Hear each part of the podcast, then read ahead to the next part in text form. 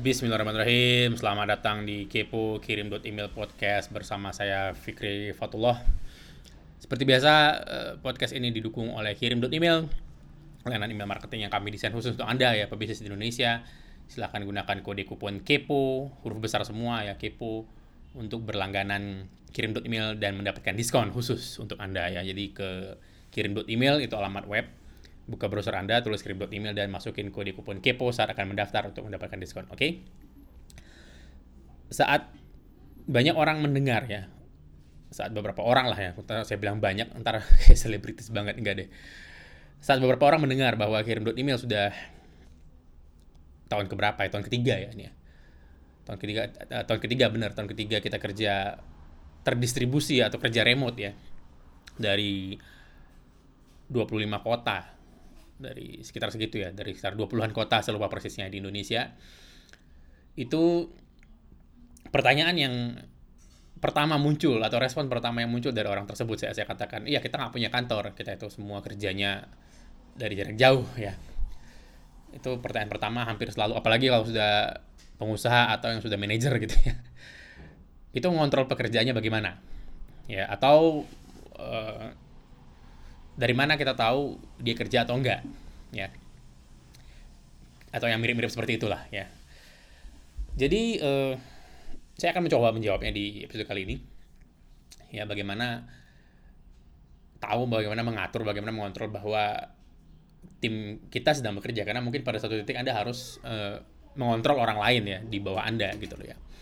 Jadi di episode kali ini saya akan coba share bagaimana saya meng mengontrol ya ini ini saya ya ini pengalaman kami pribadi mungkin bukan hanya saya tapi juga teman-teman dikirim email karena ada beberapa jajaran manajer yang sudah punya bawahan juga gitu ya dan saya akan share bagaimana kami lah ya itu mengontrol kinerja tim kami agar lebih efektif mungkin ya dan mungkin termasuk mengontrol diri sendiri itu yang yang paling susah nanti akan kita bahas di di akhir ya.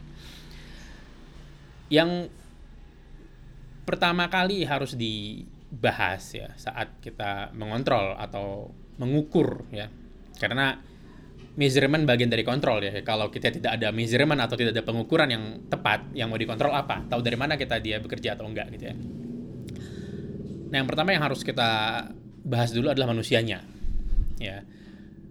Ya harus kita akui bahwa tidak semua orang bisa dikontrol gitu. Tidak semua manusia itu bisa dikontrol ya. Seperti yang pernah saya katakan di, beberapa kesempatan, kerja remote seperti kirim email ini adalah lifestyle. Jadi sama seperti diet. Ya, Anda mungkin sekarang sedang diet. Ya, saya nggak tahu diet Anda apa gitu ya. Mungkin aja diet Anda itu keto mungkin, mungkin atau Anda pakai diet yang lain uh, apa slow carb ya. Atau mungkin ada cuman ya puasa aja gitu. Mungkin puasa Nabi Daud ya hari ini puasa besok enggak hari ini puasa besok enggak. Ya mungkin itu lebih ke ibadah ya bukan lebih ke diet ya. Tapi ya saya nggak tahu ya. Uh, lifestyle uh, mungkin daripada saya bilangnya diet saya lebih, lebih suka bilangnya lifestyle makan anda seperti apa saya nggak tahu. Dan lagi itu itu lifestyle ya. Sesuatu yang berhasil di kita belum tentu berhasil di orang lain.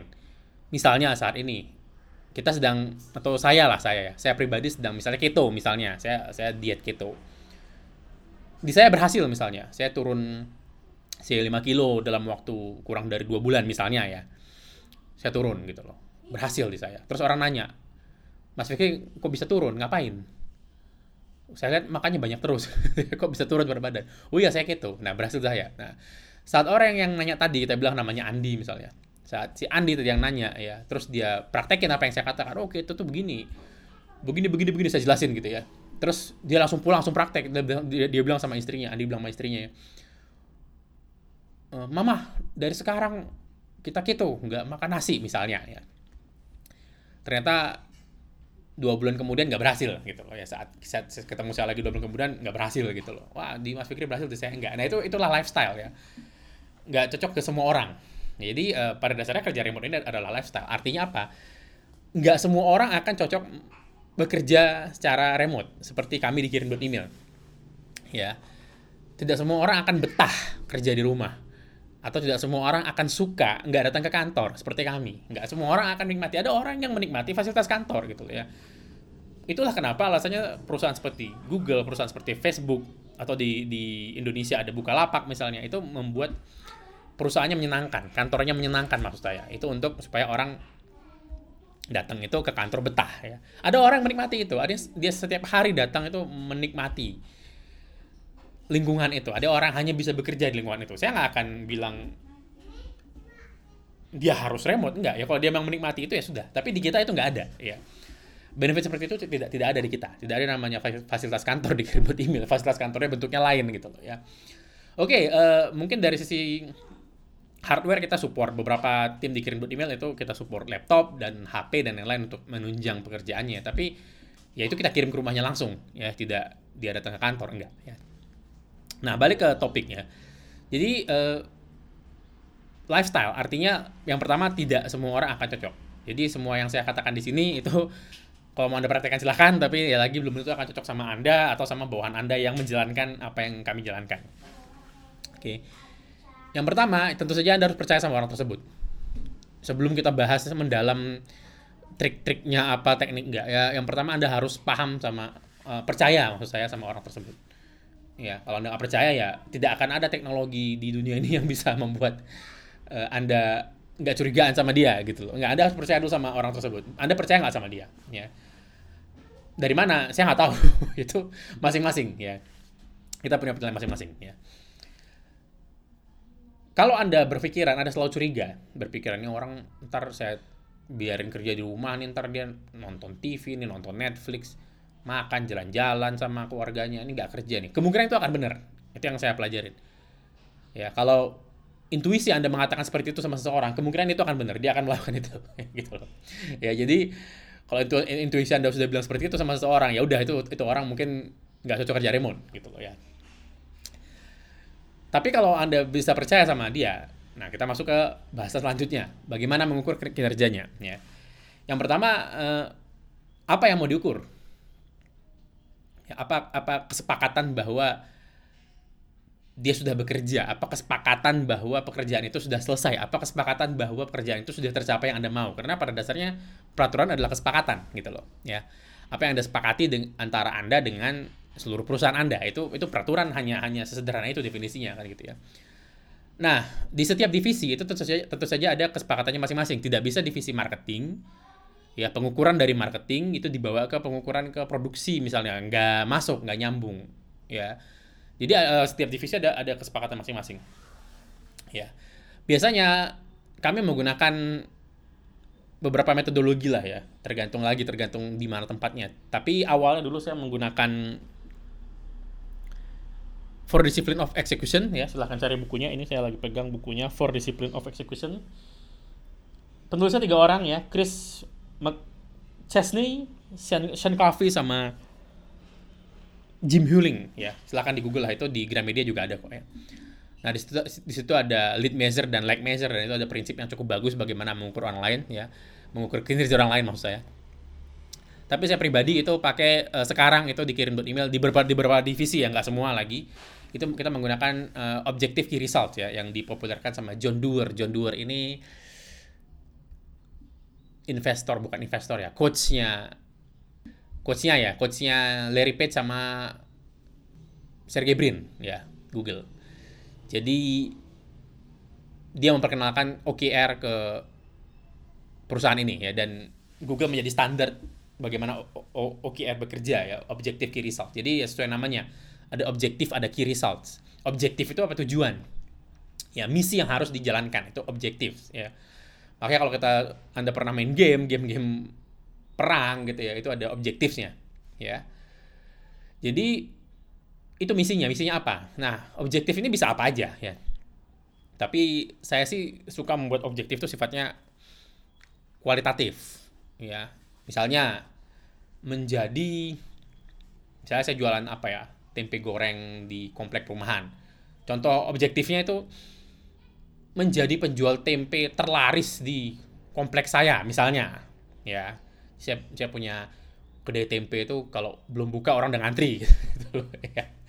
gitu. menjadi menjadi kedai tempe terlaris di kompleks saya ya misalnya kompleks saya namanya kompleks perumahan tenang ceria contohnya ya nah menjadi tempe goreng terlaris di komplek perumahan tenang ceria.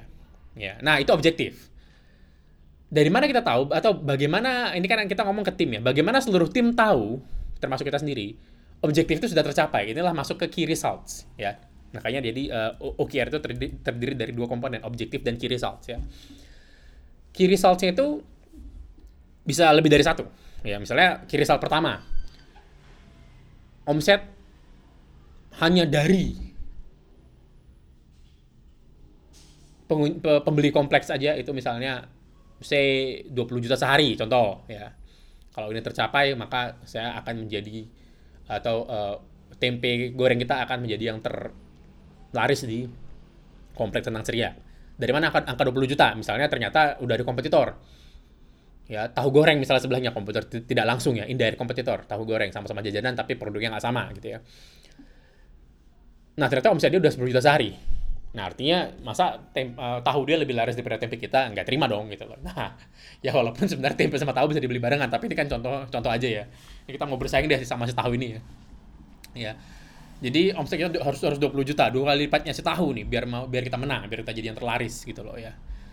Itu objektif key result yang pertama. Objektif key result yang kedua, follower di Instagram. Misalnya kita promosi dari Instagram, ya. Follower Instagram kita harus tertinggi, lebih tinggi daripada jajanan di sekitar di komplek perumahan tenang ceria tadi gitu ya. Itu misalnya objektif key result kedua. Objektif key result ketiga apa? Bisa kualitatif. Tadi kan kuantitatif ya. Yang pertama omset itu kan angkanya jelas ya. Yang kedua follower Instagram itu kan angkanya jelas. Jadi dia dia dia kuantitatif quantify bisa diangkain. Bisa juga uh, dia kualitatif bentuknya key resultnya. Misalnya orang sudah ngantri sebelum buka. Itu menandakan uh, loyalitas konsumen ya. Orang sudah ngantri sebelum buka ya. Bisa juga yang barusan itu kita bikin jadi kuantitatif lagi. Contoh minimal 10 orang sudah ngantri sebelum kita buka. Ini menandakan maka kita akan menjadi jualan tempe goreng terlaris di komplek tenang ceria misalnya. Ya. Nah itu cara kami ya. Jadi harus tahu objektifnya apa semua harus sepakat ya. Semua harus tahu ya. Dan kalau bisa dalam objektif itu ada kapannya kapan dia tercapai. Misalnya menjadi jual penjual tempe goreng terlaris di tenang ceria pada Desember 2020 misalnya ya jadi semuanya jelas semua sepakat dan kemudian key resultnya apa aja ya jadi dengan begini kesepakatan itu, itu tercapai nah banyak yang sulit membedakan mana objektif, mana key results. Ya. Objektif ya itu ya, jangka panjangnya. Kalau di buku For Discipline of Execution, dia lag measure-nya. Ya. Saya nggak mau mencampur platform ya, takut Anda nanti bingung. Jadi saya akan fokus ke OKR-nya dulu aja. Sedangkan key result adalah, ya tadi ya, eh, hasil-hasil jangka pendek yang bisa kita nilai untuk memberitahu kita apakah benar kita mengarah ke hasil akhir yang kita inginkan. Ya, Contoh uh, omset sebulan 20 juta itu kan jangka pendek. Uh, atau omset sehari 20 juta tadi ya, itu kan jangka pendek. Hari ini bisa kita nilai. Tercapai nggak omset itu? Ya. Kalau omset itu tercapai terus-menerus setiap hari, maka omset uh, maka objektif jangka panjangnya di mana kita jadi perusahaan yang terlaris atau atau penjual tempe goreng terlaris itu akan tercapai gitu loh ya.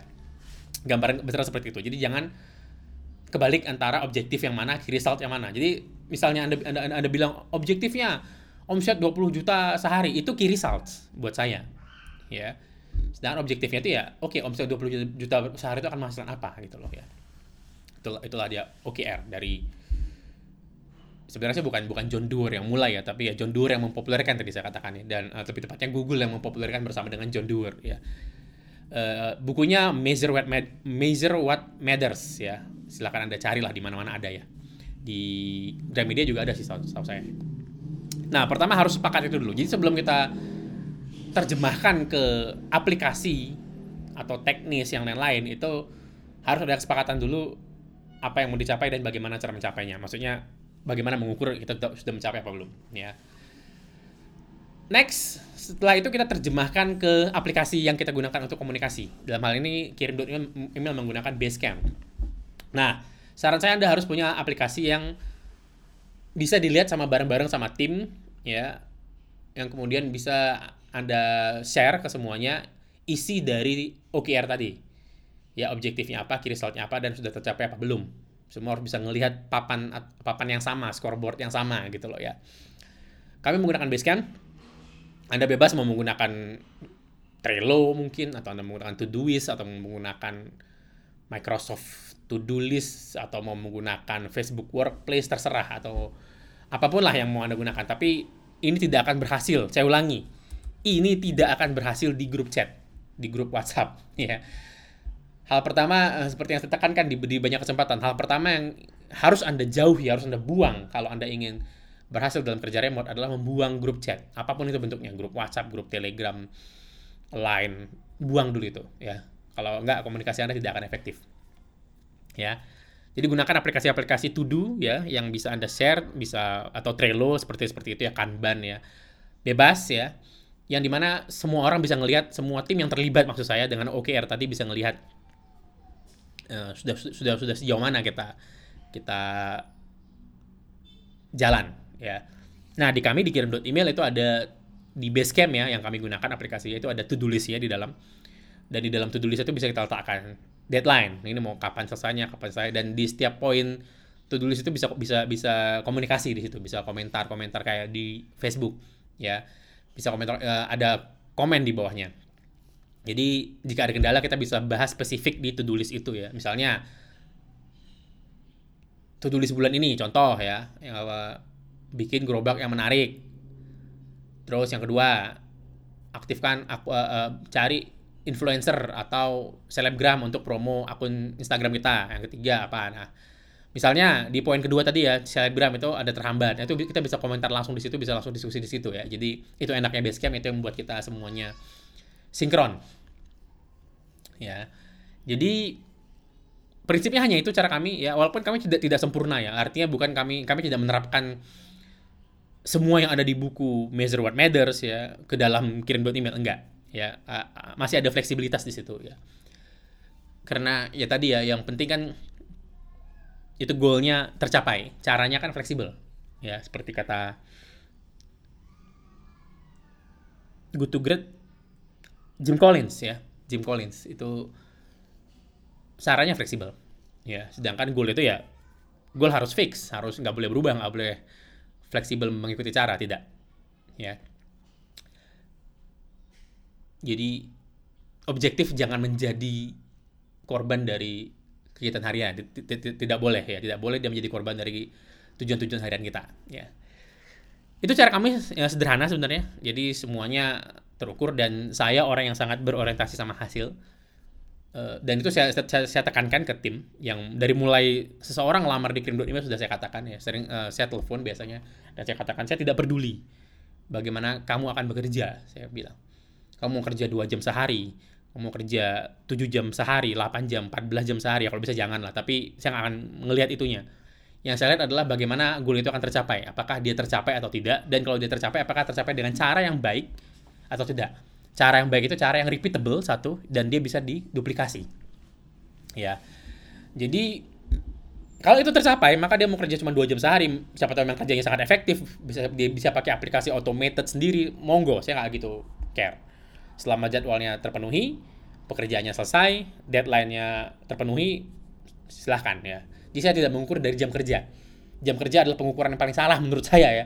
Buat apa mengukur jam kerja? Ini teknologi jadul banget yang mengukur absen, jam kerja itu orang yang tepat waktu datang ke kantor belum tentu dia produktif. Dan sebaliknya, ada orang males sangat produktif ya.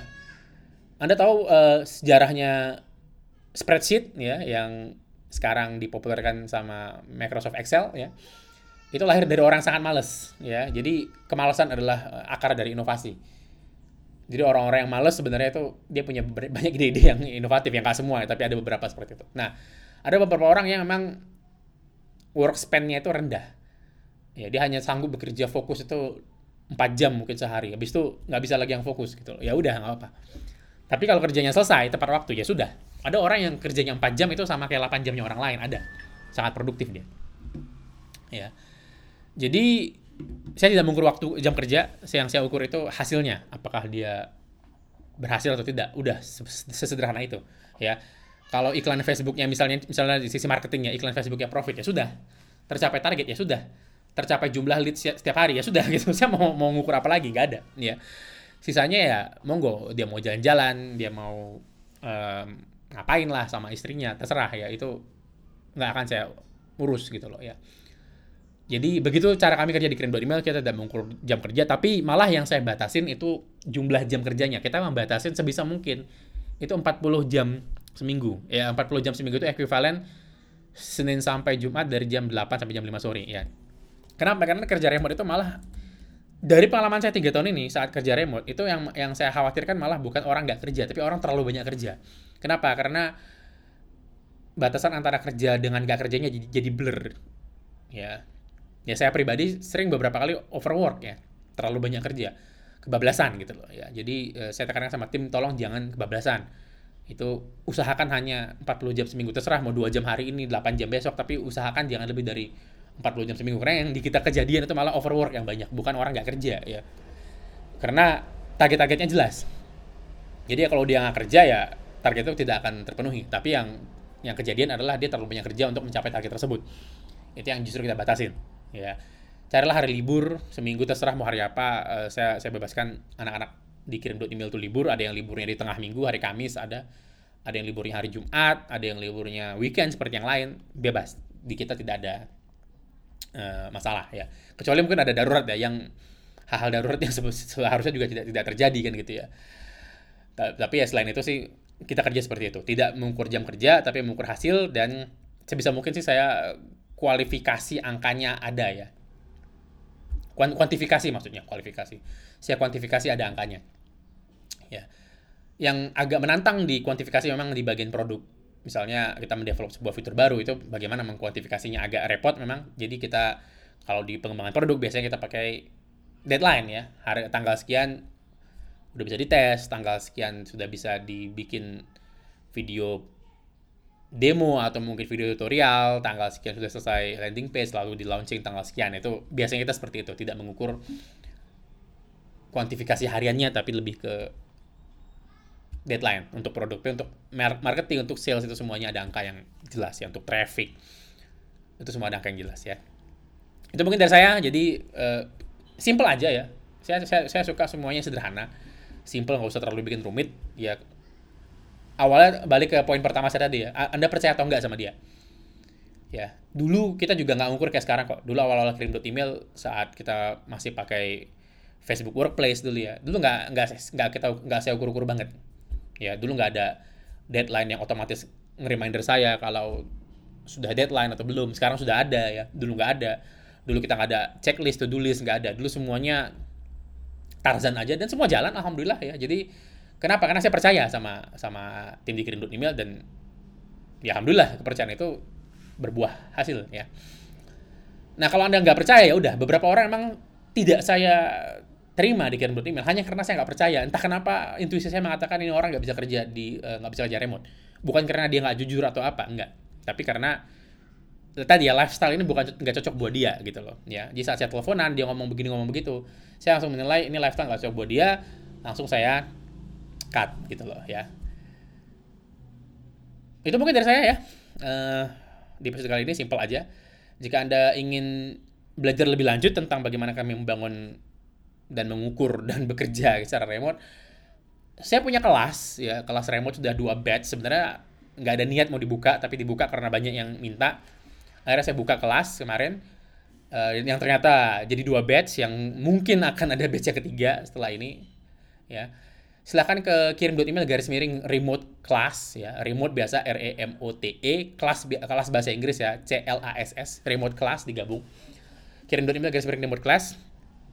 Silahkan ke situ untuk untuk ikut waiting list kapan ada batch ketiga atau batch batch selanjutnya insya Allah atau anda juga bisa langsung merasakan bekerja di kirim email silahkan ke kirim email garis miring pekerjaan. Ya kalau anda butuh pekerjaan anda merasa anda bisa kerja dari mana aja anda berasa Anda orang yang disiplin, monggo silakan ke sana kirim buat email garis miring pekerjaan ada beberapa lowongan dan itu update terus ya kalau yang sudah dihapus itu biasanya sudah penuh tapi kita insya Allah uh, rutin membuka itu tiap bulan ada yang baru biasanya silakan ke sana dan mendaftar dan melamar maksud saya mendaftar ya oke itu itu saya uh, untuk episode kali ini. Sampai ketemu di episode selanjutnya. Insya Allah, saya Fikri Fatullah dari kirim email. Terima kasih.